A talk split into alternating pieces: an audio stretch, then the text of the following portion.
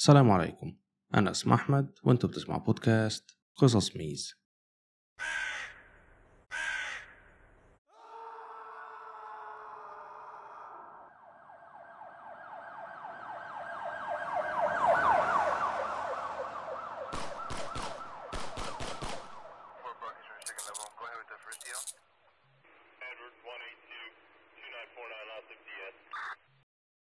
بيكم في الحلقة رقم 8 من قصص ميز. النهاردة هنتكلم عن واحد من أشهر القتلة المتسلسلين مش بس في التاريخ الأمريكي إنما في العالم كله. اسم حلقة النهاردة زودياك. ومن غير ما أطول عليكم يلا بينا نبدأ. بتبتدي القضية في الستينات وتحديدا في يوم 20 ديسمبر سنة 1968 وفي ولاية كاليفورنيا وعلى حوالي الساعة 11 بالليل اتقتل ديفيد فاراداي واللي كان عنده 17 سنة وبيتي لو جينسون واللي كان عندها 16 سنة وهم قاعدين في العربية بتاعتهم. ولما الشرطة وصلت لقوا إن بيتي كانت ميتة على بعد 30 قدم من العربية. لكن ديفيد كان مطعون وفي حالة صعبة ولكنه كان لسه عايش. وبدأوا عملية نقله للمستشفى. ولكن ديفيد مات في الطريق. وفي الوقت ده الشرطة لسه ما كانتش تعرف إن ده شغل قاتل متسلسل. جريمة زودياك اللي بعد كده حصلت في يوم 4 يوليو سنة 1969 وعلى حوالي منتصف الليل بالقرب من حديقة بلو روك سبرينجز واللي كانت على بعد دقايق بس من الجريمة اللي قبلها. زودياك قرب من واحدة من العربيات اللي واقفة ومعاه كشاف في إيده وكان بيدعي إن هو ظابط. وبمجرد ما قرب من العربية وكان موجه نور الكشاف في وش السواق ضرب النار على دارلين فيرين واللي كان عندها 22 سنة ومايكل ماجو واللي كان عنده 19 سنة. بعد كده ساب المكان ولكن بعد دقايق رجع تاني وضرب عليهم النار مرة تانية. ولما الشرطة وصلت لقوا إن الاتنين كانوا في حالة صعبة ولكنهم كانوا لسه عايشين. وبعدين نقلوهم للمستشفى دارلين ماتت. ولكن مايكل كان الوحيد اللي نجا. ومع تحقيق الشرطة معاه قدر مايكل إن هو يقول إن الراجل اللي ضرب عليهم النار كان راجل أبيض وشاب وعنده حوالي ستة وعشرين لتلاتين سنة وكان مليان ووزنه غالبا أكتر من مية كيلو وطوله حوالي متر وسبعين سنتي. شعره كان بني فاتح ومجعد ووشه كبير. ولكن حتى قبل الشرطة ما تعمل أي حاجة بالمعلومات دي ففي أقل من ساعة جالهم مكالمة هاتفية. المكالمة كانت من واحد بيدعي إن هو اللي عمل الجريمة. وقال لهم إن هو اللي عمل الجريمة دي والجريمة اللي قبلها. وفي يوم 1 أغسطس سنة 1969 اتلقت صحيفة سان فرانسيسكو كرونيكل وصحيفة سان فرانسيسكو إكزامينر وكتير تاني من الصحف في نفس الولاية رسائل مكتوبة بالإيد من الشخص اللي بيدعي إن هو القاتل الرسائل كشفت عن تفاصيل محددة في الجرائم الشرطة ما كانتش أعلنتها للناس وبكده أثبت الكاتب إن هو بالفعل القاتل وجميع الرسائل كانت متعلمة بعلامة مميزة. وفي الرسائل دي القاتل كان كاتب ثلاث شفرات مختلفة وطلب من الصحف إن هما ينشروها أو هيقوم بالقتل مرة تانية. في يوم 4 أغسطس تم استلام رسالة جديدة وبتبتدي بعبارة هنا زودياك يتحدث ودي كانت المرة الأولى اللي القاتل بيشير فيها نفسه لزودياك. في يوم 8 أغسطس سنة 1969 تم فك رموز الرسالة اللي زودياك كان بعتها قبل كده من قبل زوجين. وبعد ما تم فك الشفرة الرسالة كانت بتقول أحب القتل لأنه ممتع جدا. إنه أكثر متعة من صيد الحيوانات البرية في الغابة. إن الإنسان هو أخطر حيوان يمكن قتله. يعطيني شيء يجعلني أشعر بالإثارة الشديدة. لن أعطيكم اسمي لأنكم ستحاولون إيقافي. وفي يوم 27 سبتمبر سنة 1969 في مدينة نابا في ولاية كاليفورنيا كانت سيسيليا شيبرد اللي كان عندها 22 سنة وبراين هارتنل واللي كان عنده 20 سنة قاعدين على شاطئ البحر. وهناك سيسيليا شافت راجل مستخبي ورا شجرة قريبة منهم وبيراقبهم. ولكن بعد فترة قصيرة خرج الراجل من ورا الشجرة وكان لابس قناع بيشبه فيه الجلادين في القرن التمنتاشر. وكان في ايديه مسدس وسكينة طويلة وبعد كده هجم عليهم. واستخدم حبل عشان يربط بيه سيسيليا وبراين وبعد كده طعنهم أكتر من مرة. سيسيليا ماتت في المستشفى لكن براين نجا بالرغم من طعنه أكتر من ست مرات في ظهره. وصف براين القاتل بأنه كان طويل وشعره لونه بني ووزنه أكتر من 100 كيلو وإن ده كل اللي قدر يشوفه لأنه كان لابس ماسك على وشه. بعد كده وفي التحقيق الشرطة لقوا رسالة جنب العربية بتاعت براين. رسالة كان عليها علامة الزودياك وتواريخ جميع الجرائم التلات اللي ارتكبها. وتحت الجريمة الأخيرة اللي قتل فيها سيسيليا كان كاتب تاريخ الجريمة يوم 27 سبتمبر وكاتب جنبه كلمة بالسكين. بعد كده وفي يوم 11 أكتوبر سنة 1969 وعلى حوالي الساعة 10 بالليل في مدينة سان فرانسيسكو في ولاية كاليفورنيا في تقاطع شارع واشنطن وشيري اتعرض سواق تاكسي واللي كان اسمه بول ستاين لإطلاق نار على راسه من قبل الراكب اللي كان راكب معاه. وهنا في واحدة ست في بيتها كانت ساكنة في الشارع قريب سمعت صوت الرصاصة ولما بصت من الشباك شافت الراجل وهو بيمسح العربية وبعد كده مشي. وبعد كده اتضح إن كان في شاهدين تانيين في نفس العمارة اللي فيها الست دي. وبعد الاتصال بالشرطة وصفوا الراجل بأنه راجل أبيض وعنده من 25 ل 30 سنة وطويل ولون شعره بين الأحمر والبني وكان لابس نضارة شمس. وبسرعة وصلت واحدة من دوريات الشرطة واللي كانت قريبة من موقع الجريمة ولكنهم وقفوا الشخص غلط وبسبب الغلط اللي جالهم في الوصف فوقفوا واحد من أصول أفريقية واللي حصل ده كانت أكبر غلطة الشرطة ارتكبتها. لأنه في نفس الوقت ده وقبل ما يوقفوا الراجل من أصول أفريقية كانوا شافوا راجل أبيض ماشي على رصيف وكان طويل ومليان وعنده حوالي 30 سنة ولابس نظارات غامقة وشعره لونه بني ولكنهم ما فكروش يوقفوه لأن الوصف اللي كان عندهم كان ده راجل أفريقي. بعد كده كتب زودياك في رسالة تانية تفاصيل عن الموقف ده.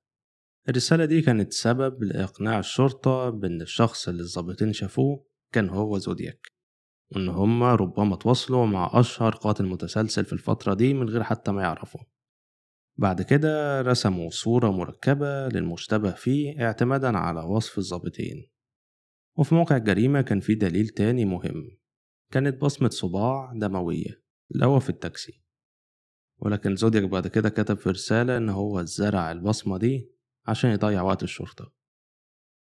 وبعد يومين استلمت صحيفة سان فرانسيسكو كرونيكل رسالة من زودياك بيدعي فيها إنه هو المسؤول عن جريمة قتل السواق الأجرة.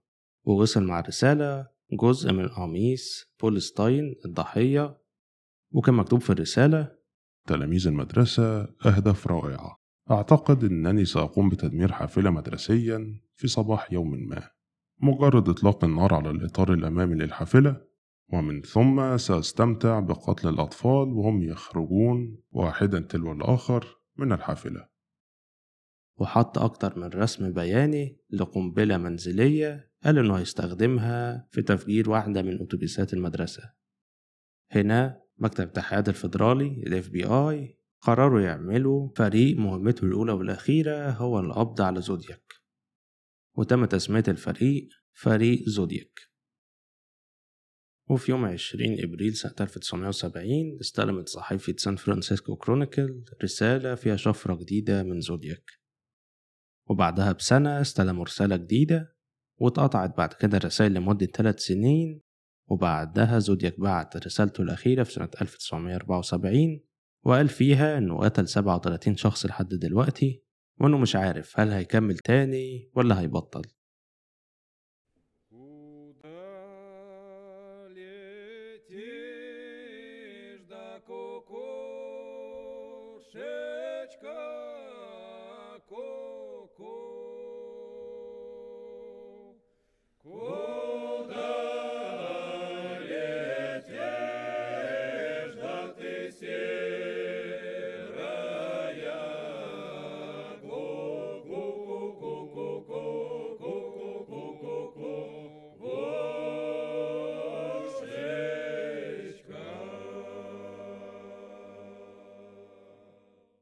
وفي سنة 2002 وبعد تطورات كبيرة في علم الجريمة استطاعت شرطة سان فرانسيسكو إن هم يخرجوا الحمض النووي بتاع زودياك من واحدة من الرسائل اللي كانت موجودة عندهم وخرجوه من اللعاب اللي على الطابع. لكن في الوقت ده الملف الجيني ما كانش كافي لتحديد هوية شخص واحد بشكل قاطع ولكنه كان كافي لاستبعاد المشتبه فيهم المحتملين. وهنا بتيجي النظريات حوالين المشتبه فيهم. أول نظرية بتقول إن الأب إيرل فان بيست جونيور كان هو زودياك. ابنه جاري ستيوارت نشر كتاب بعنوان الحيوان الأكثر خطورة وبيقدم فيها النظرية دي وهي إن والده كان ممكن يكون هو زودياك. وقال في الكتاب ده إن واحد من خبراء الخط قال إن خط إيرل في شهادة جوازه متطابق مع خط زودياك في واحدة من رسايله ولكن زي ما كان في أسباب بتقول إن إيرل فان بيست هو زودياك كان في أسباب أكتر بتقول إنه مش هو. من ضمن الأسباب دي إن اللي وقع على شهادة جوازه ما كانش هو أصلا إنما كان كاهن في الكنيسة. حاول ابنه جاري ستوارد إن هو يختبر الحمض النووي بتاع والده مع العينة اللي المحققين خرجوها في سنة 2002 ولكنهم ما تعاونوش معاه بحجة عدم وجود ما يكفي من الأدلة لإثبات القضية. النظرية التانية والأكثر شهرة هي من روبرت جراي سميث واللي بيعتقد إن أرثر لي ألان هو زودياك. روبرت جراي سميث كان بيشتغل في الكاريكاتير في صحيفة سان فرانسيسكو كرونيكل وتحول لشخص مهووس بالبحث عن زودياك. وبعد أكتر من عشر سنين من بحثه عن زودياك كتب جراي سميث كتابين بعنوان زودياك وإنزال القناع عن زودياك. واللي بيشير فيهم إن أرثر لي ألان هو زودياك. وبيقول إن في اليوم اللي حصلت فيه الجريمة التالتة لزودياك سنة 1969 ألان قال لعيلته إن هو هيروح يسبح في البحيرة القريبة من بيتهم. وبعد فترة وبالليل رجع للبيت وهو متغطي بالدم وكان معاه سكينة. ولو ده حقيقي فده بيتطابق مع إن زودياك قتل سيسيليا شيبرد في اليوم ده باستخدام سكينة. في السنة اللي بعدها سنة 1971 واحد من أصحاب ألان واللي كان اسمه دون تشيني قال إن ألان بدأ يسمي نفسه زودياك قبل حتى ما القاتل يشيل نفسه بالاسم ده. وقال إن ألان في وقت ما قال له بإن هو بيخطط لصيد البشر باستخدام بندقية وكشاف. ونتيجة لكلام جراي سميث فقامت الشرطة بمقابلة ألان وحققوا معاه ومن ضمن التحقيق لقوا إن كتابه المفضل هو اسمه اللعبة الأخضر. وهو كتاب بيتكلم عن راجل بيصطاد البشر كنوع من الهواية. بعد كده الشرطة فتشوا بيت ألان ولقوا في التلاجة أجزاء من حيوانات مفترسة متقطعة وسكاكين ملطخة بالدم ولكنهم ملقوش أي أدلة مباشرة على الجرائم. في سنة 1974 تم الحكم على أرثر لي ألان بجريمة جديدة بعد ما اعتدى على واحد من الأطفال وقضى ثلاث سنين في السجن. بالصدفة في الفترة دي كانت رسائل زودياك وقفت. في سنة 1987 قال واحد من السجناء في سجن سان خوسيه اسمه رالف سيبينيلي للشرطة إن ألان اعترف له بإن هو اللي قتل بول ستاين صاحب التاكسي. في أغسطس سنة 1991 قام المحقق جورج من ولاية كاليفورنيا بمقابلة مايك ماجو الراجل اللي نجا من الهجوم التاني لزودياك واللي كان شاف زودياك من غير قناع ولما عرض عليه تشكيل من الصور ماجو اختار صورة أرثر لي ألان وبناء على المعلومات دي فقامت الشرطة بتفتيش منزل ألان مرة تانية وفي المرة دي لقوا رسومات هندسية لقنابل. وشرايط كتير بتتكلم عن زودياك. وبعدها راحوا حققوا مع ألان تاني ولكنه رفض يقول أي حاجة. وفي شهر أغسطس سنة 1992 وبعد خروج ألان من السجن تم العثور عليه في بيته ميت بسبب نوبة قلبية. وزي ما في دلائل كتير بتشير إن ألان هو زودياك في دلائل بتشير للعكس.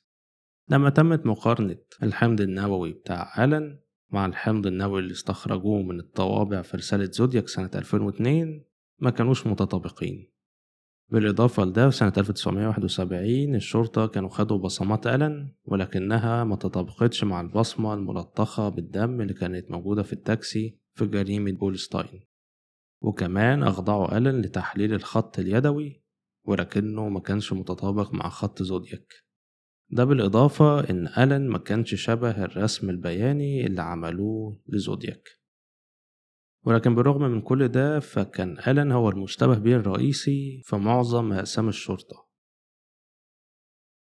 وبعد مرور حوالي ستين سنة من جرائم زودياك لحد دلوقتي محدش يعرف هو مين. وبتظل القضية دي هي واحدة من أشهر قضايا القتلة المتسلسلين في التاريخ.